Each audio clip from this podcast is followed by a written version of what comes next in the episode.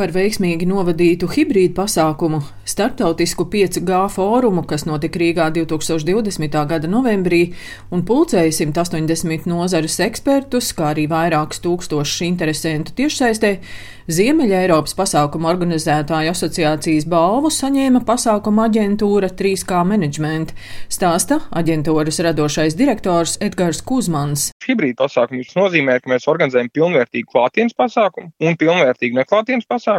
Turklāt viņiem abiem diviem ir tehnoloģiski un tehniski jāsadzīvo. Kas savukārt nozīmē, ka viņš automātiski būs nevis lētāks un vienkāršāks, bet viņš būs divreiz dārgāks un divreiz sarežģītāks. Klātienē bija visi, protams, tehniskā komanda nodrošinātāji, visi runātāji un atsevišķa daļa viesu, bet visi skatītāji, kas bija šajā gadījumā vairāk kā 2000, bija no visas pasaules un tie bija neklātienē.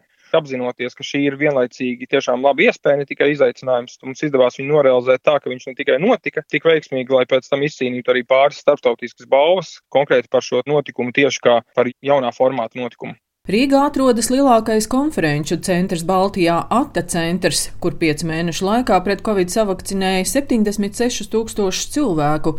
ATA centra ģenerāldirektore Nadija Ignase stāsta, ka centrs ir multifunkcionāls, un 22 viegli pārveidojamās konferenču zālēs vienlaikus var uzņemt 5500 cilvēkus.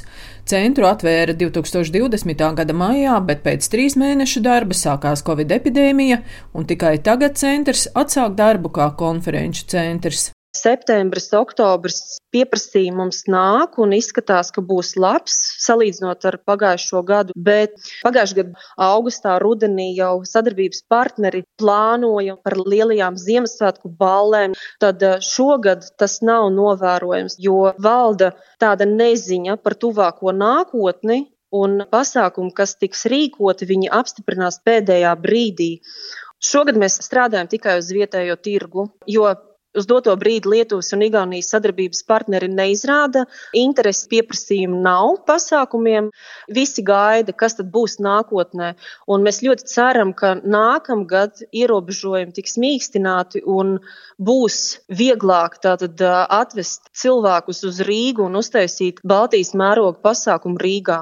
Mēs turpināsim braukt uz starptautiskajām izstādēm, lai Rīga tiek izskatīta kā galamērķis lielām biznesa grupām. Ate centra darbinieki Covid ierobežojumu laikā saņēma gan dīkstāvus pabalstus, gan grantu komunālo maksājumu veikšanai. Šobrīd centrs pieteicies arī uz LIA atbalsta instrumentu starptautiskās konkurētspējas veicināšanas programmā. LIA turisma departamenta vadītāja Inese Šīrava stāsta, ka konferenču un citu pasākumu organizēšanai paredzēts finansējums miljona eiro apmērā. Komersantiem un arī biedrībām nodibinājumiem, kas darbojās šajā jomā, ir pieejams pieejams atbalsts 40 tūkstoši eiro gadā dažādām mārketinga aktivitātēm ārvalstīs. Tā ir maksimālā summa, kas gada laikā viņam ir pieejama, lai viņš vai nu piedalītos izstādēs, vai kontaktbiržās, vai organizētu kādus prezentācijas pasākumus, vai vestu šeit savus partnerus, lai iepazīstinātu ar pakalpojumiem klātienē un tā tālāk. Tad ir arī atbalsts hibrīd pasākumiem vai konferencēm, kas notiek Latvijā. Tur maksimālais atbalsts vienam pasākumam ir 12 tūkstoši eiro.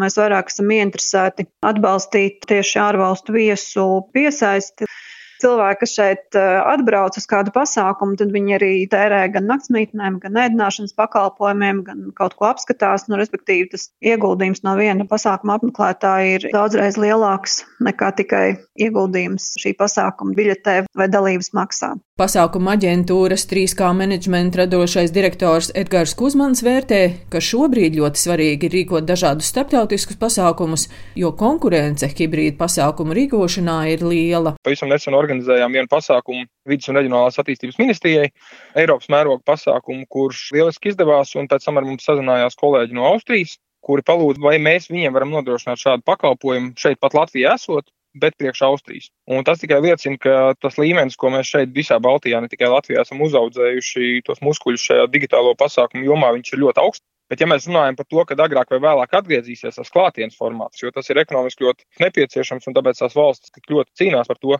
tad Latvijai pašlaik būtu vienkārši svarīgi šajā starptautiskajā konkurencē, un jo īpaši reģionālajā konkurencē, jo Igaunija un Lietuva ļoti cītīgi un aktīvi pašlaik sev uztur formā, tad mums arī vienkārši ar dažādiem komunikācijas pasākumiem, ar dažādām kampaņām mums ir jāturpina sildīt tā situācija. Skaidrs, ka tas nebūs šoruden, tomēr cerībā, ka process turpināsies un ka nākamā vasarā mēs jau varēsim varbūt tās atsākt organizēt jau lielākus darījumu turismu pasākumus klātienē šeit Latvijā. Pēc Startautisko kongresu un konferenču asociācijas datiem viena darījuma turisma ceļotāja tēriņi ir trīsreiz lielāki nekā atpūtas ceļotāja tēriņi.